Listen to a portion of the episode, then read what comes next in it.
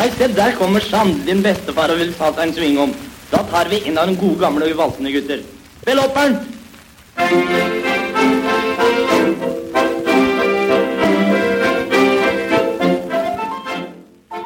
Velkommen til nok et dypdykk i Sveivegrammofonens verden, der vi tar for oss musikken som ble utgitt i løpet av den første halvdelen av 1900-tallet. Mitt navn er Stig Ove Vold, og du hører på Gamle riller. Først og fremst vil jeg si tusen takk til dere som hører på dette programmet, og som har gitt hyggelige tilbakemeldinger. Det er hyggelig å høre at det er rom for små, underfundige podkaster som denne, og som verken er hektisk, heseblesende, trendy eller edgy på noen som helst måte, men som setter lett undring i fokus og som pirrer hjernen din akkurat nok til at du sier næ, akkurat som masse nøff. Jeg har lyst til å begynne programmet i dag med å si noen ord om noe som eh, dessverre er blitt en aktualitet i dag, nemlig krig.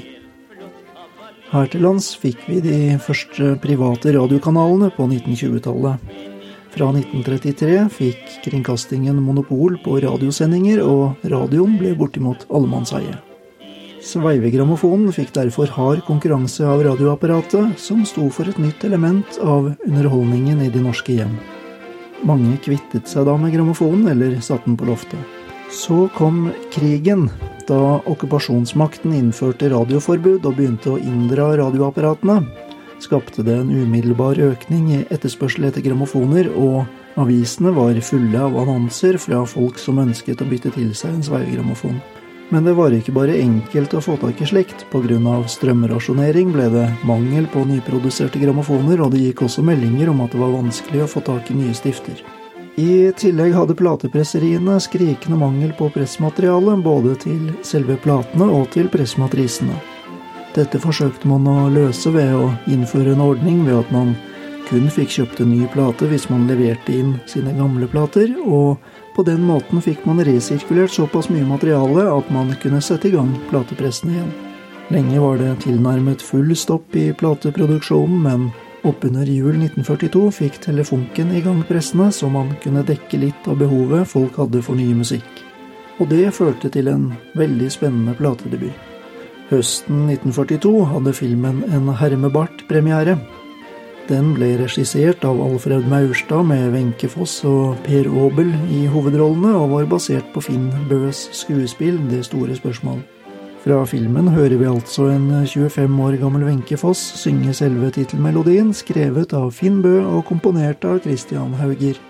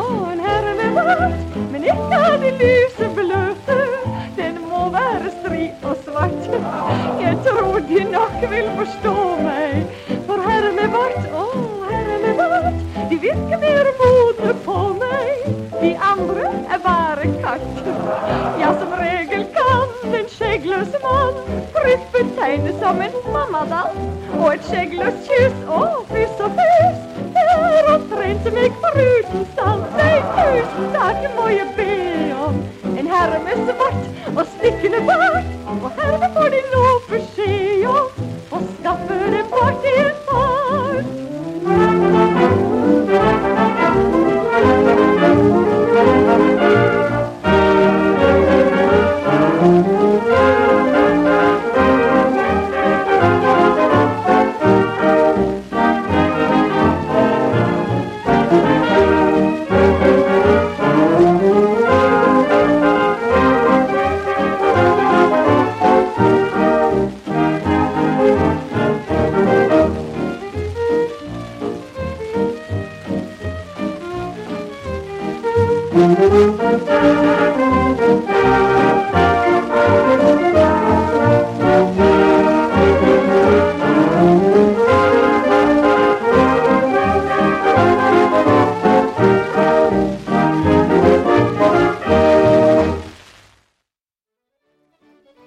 I løpet av de siste fem årene har jeg dratt i hus rundt 18 000 av de gamle steinkakene, og i dag begynner det å bli langt sjeldnere mellom hver gang jeg finner noe jeg mangler.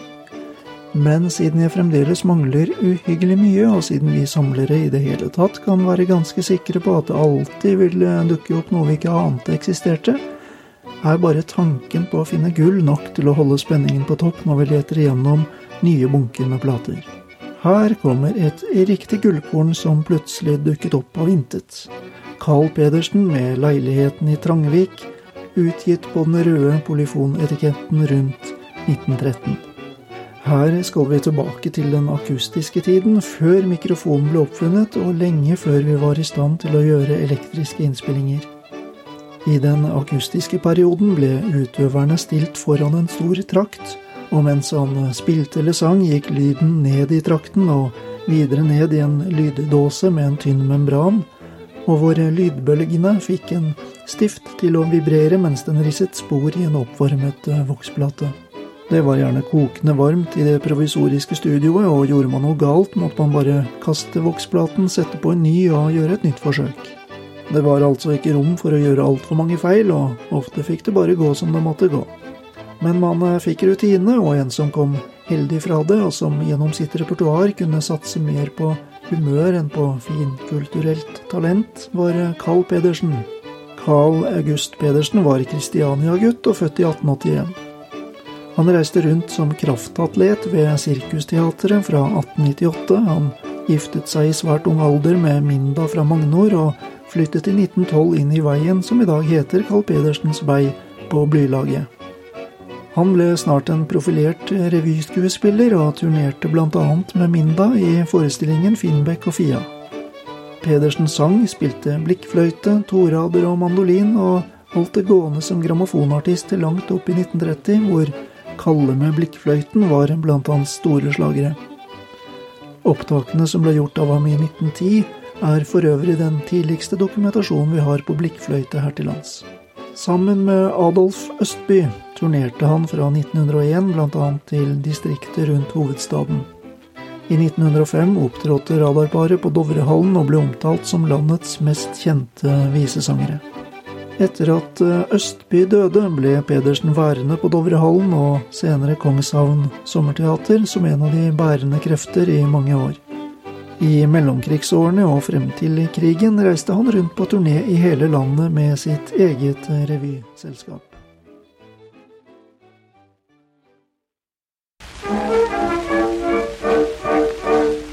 Leiet oss en leilighet, det var en av de knappe. Det var i Trangvika, det forstår de vel. Huset var ei ferdig, det var ennå ingen trappe, så der, ja, det ble det min sansens spill. Da vi flyttet inn var trappen kun en råtten planke som lå der og vrikket, som lå der og vrikket, så at min Josefa som jo seg er aldri slanke, hun gikk dessverre utenom en kveld. Eiere, det var maler Andersen, samt rørlegger Sandesen, blikksinn og kobberslaget Jokkemsen, samt er gråten smurer Lukkemsen, foruten sementlegger Lagerbær, Stamsherr, snekkermester Fagerbær, glassmesterfirma H.C. Listerød, stamherr Tapetsere Klisterød. En dag så ble jeg sint og sa det på planeten, hvis at de ei vil gå og se dem om. Se på veggene og se på mønsteret på tapeten, og trappen har jeg manglet fra den tid vi kom. Varmeledningen er kold, så vi skal ikke svette, og vannet fins det ikke, så bayer må vi drikke. Og på kjøpet har de Kina-dausen glemt å sette, men da tok jeg og kastet dem ut en, to, tre. Først tok jeg malermester Andersen, samt herr rørlegger Sandesen, et blikksinn og kobberslaget Jokkemsen, samt herr Gråtens For uten foruten sementlegger Lagerbær, Stamshaug, snekkermester Fagerbær, glassmesterfirma H.C. Listerød, samt herr tapetsere Klisterød. Men så en dag til disse herrer måtte jeg skvandre, for nu, nu vil jeg min mening. Men da begynte alle sammen å skylde på hverandre. Tenk dem til det eier ingen huset de. Lett i sinnet gikk jeg hjem, jeg var så glad på veien. Og der hvor ingen eier er, heller ingen leier er. Men da på dagen kom som at jeg skulle betale leien, da kom de alle sammen, og var uhyggelig. Først så kom malermester Andersen, samt herr rørlegger Sandesen. Et blikk til og kobberslaget Jokkemsen, samt herr Gråsens Mure Lukkemsen. Foruten sementlegger Lagerbær samt er snekkermester Fagerbær, glassmesterfirma H.C. Lifterød, samt er tapetserer Klipterød. Vi fortsetter programmet med en herre som godt kunne kalt seg Gullsmeden med sølvstrupen. Kjell Hanning ble født i Sandefjord i 1907 som sønn av gullsmedmester Albert Hansen og hans hustru Jenny. Han ble selv juveler i Halden, men hadde alltid sangen som en kjær hobby, og ble antatt som medlem av Halden sangforening allerede i 1930. Dertil var han en ofte benyttet solist under konsertene til Halden orkesterforening. Hanning var utdannet i sang hos Lilly Dahl i Oslo, og fikk gode kritikker under en elevaften i Losjen i februar 1938. Han debuterte i Auland i september samme år, der han fremførte norske, tyske og italienske romanser og en avdeling med operettearier, hvorpå han ble en av mange som ble utsatt for Dagbladets musikkanmelder Pauline Halls nådeløse kritikk. Han fikk såpass hard medfart av Dagbladet og den øvrige Oslo-pressen at hans kamerat Håkon Åsekjær i ettertid så seg nødt til å rykke inn et forsvarsskrift i Østfold-avisene. Tonen var en annen da han ble lansert som såkalt grammofonfavoritt hos Telefunken våren 1939, og avisene skrev Kjell Hanning har en usedvanlig vakker og følsom stemme, den er som skapt for mikrofonsang. Så kom krigen.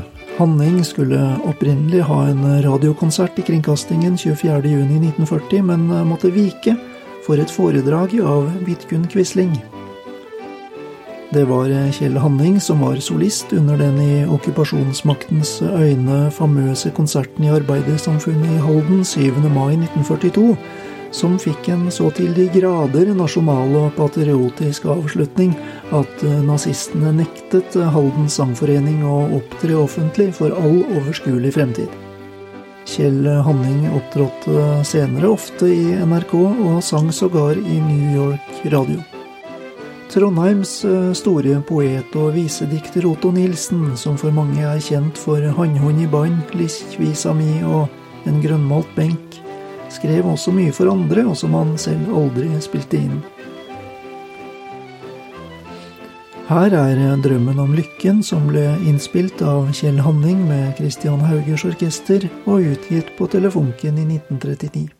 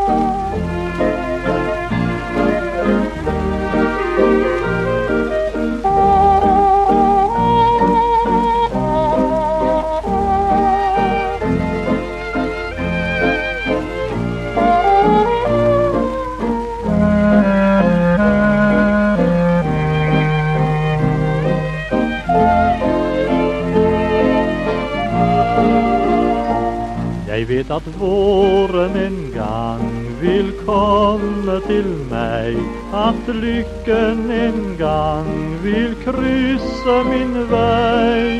Dager med smil og solskinn i fang vil komme til meg en gang. Jeg vet at livet vil bli som skjønn poesi. Blomsterduft bølger over hver sti. Forårets sang med jublende klang, det skal synges for meg en gang. Jeg vet at fort skal dra dette triste grå. Jeg vet at over skyen er himmelen blå. Jeg vet at våren en gang vil komme til meg. At lykken en gang vil krysse min vei. Dager med smil og med solskinn i fang, de vil komme til meg en gang.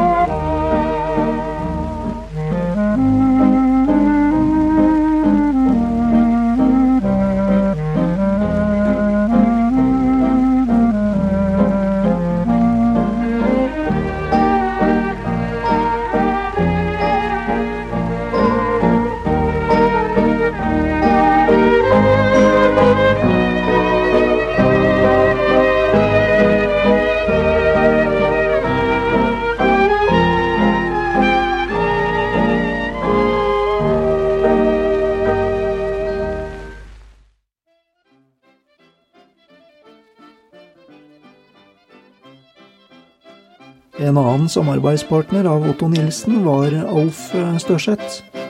Størseth var født i Trondheim i 1907 som sønn av politikonstabel Ole Steffensen Størseth og Anne Midtlyng. Tidlig på 1930-tallet var han kjent som den populære barnetimeonkel Onkel Alf i Trøndelag Kringkaster, og det var på denne tiden han ga ut boken Barnetimens viser i samarbeid med Otto Nilsen. Størseth var ofte å høre på radio gjennom hele 1930-tallet, og dro land og strand rundt for å opptre med visesang. Men om det gikk oppover med karrieren, så gikk det nedover i privatlivet. Pga. religiøse overbevisninger sluttet Størseth å synge i 1939. Og etter en del umusikalske disposisjoner under okkupasjonsårene ble det stille fra ham. Han flyttet til Oppland, og på begynnelsen av 1950-tallet dukket han opp igjen som sanger på vekkelsesmøter. Han ble reisesekretær for Blå Kors og reiste rundt som sangevangelist. Han var åpen om sitt tidligere liv som alkoholiker, og kjempet siden en hard kamp for avholdssaken. Størseth ble aktiv i pinsebevegelsen og fikk etter hvert kontakt med Åge Samuelsen, og ble i 1960 forstander for den nyopprettede pinsemenigheten Maranata på Toten. Rundt 1970 var han kontaktmann i Gjøvik og omland for Landsforeningen for hjerte- og lungesyke. En av melodiene mange ble glade i fra Trøndelag Kringkasters barnetime på 1930-tallet, var den lille vuggevisen 'Kvelden kommer'. I 1932 spilte Alf Størseth inn 'Kvelden kommer' for plateselskapet Brunsvik. Melodien var komponert av den trønderske slagerkomponisten Harald Haugen. Teksten var ved like trønderske Rolf Haukås, og platen ble utgitt på Polydor-etiketten.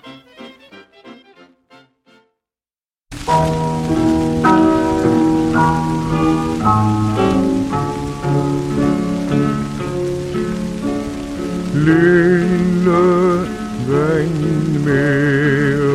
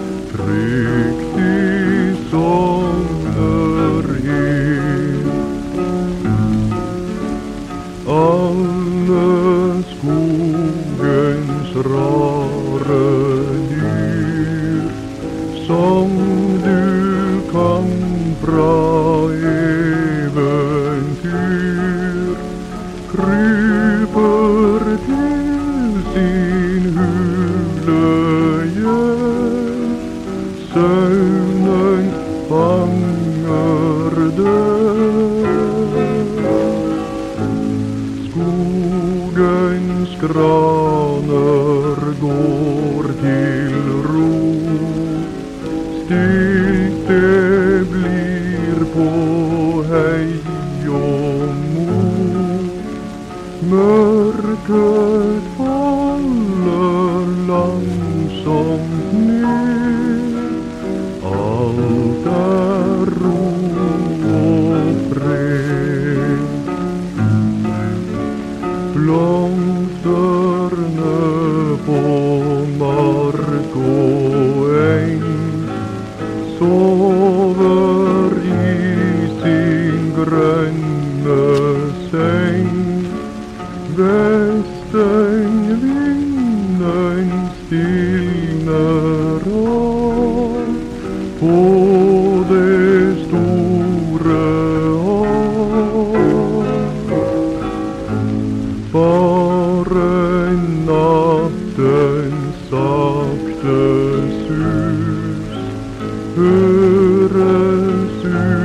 good.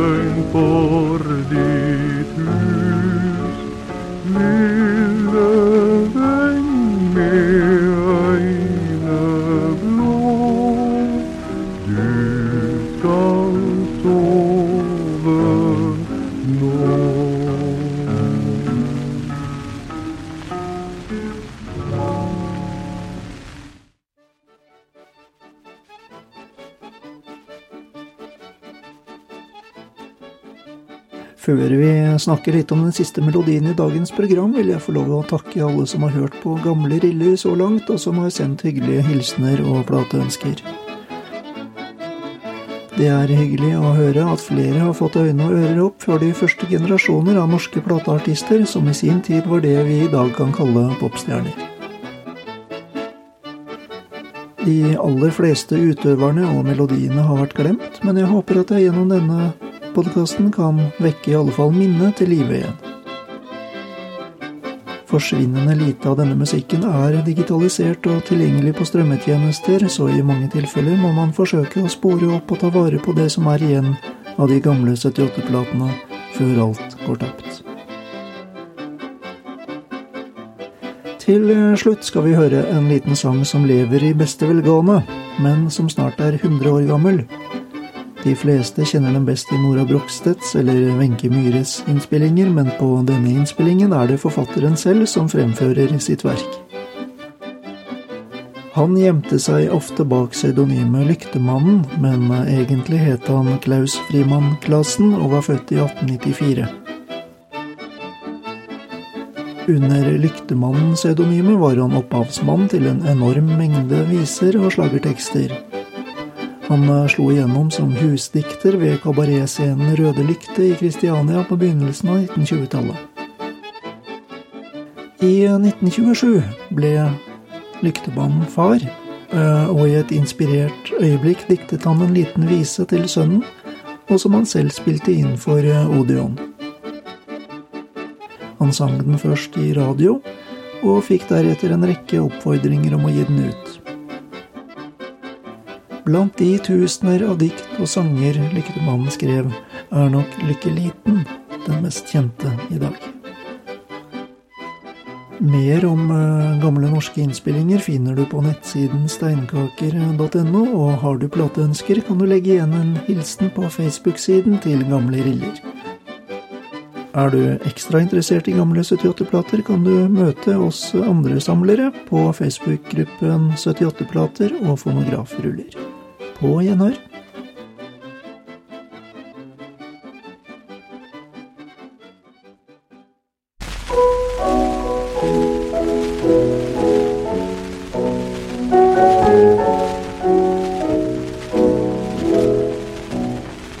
Da lykken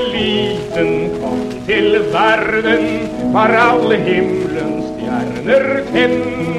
De blinket lykke til på ferden, som til en gammel kode kjent. Og sommernatten var så stille, men både trær og blomster små. De sto og hvisket om den lille som i sin lyse bunker lå. Slik kom da lille lykkeliten til et av verdens land. Og skjønt han var ikke store biten, så var han dog en liten mann. Han hadde mørke, brune øyne, og håret var så sort som kull. Han lå og skrek det første døgnet, men han har store smilehull. Han har så sterke, faste never og slike silkefløte kinn, og i en silkeseng han lever, der har han også ranglen sin. Det er hans verden nu så lenge, det aller første år han har. Og han vil ingen større trenge, før han det første skrittet tar. Til livets ære skjer et under i alle land hver dag som går. Ja, i ethvert av de sekunder som menneskehetens klokke slår. Men ingen vet og ingen kjenner den vei ditt lille barn skal gå. Og ingen vet hva skjebnen sender av lyse dager og av grå. Men lykken liten kom til verden, og da var alle stjerner tent. Det lovet godt for fremtidsferden, det var et tegn av skjebnen sendt. Og sommernatten var så stille, men både trær og blomster slå. De sto og hvisket om den lille som i sin lyse bunge lå.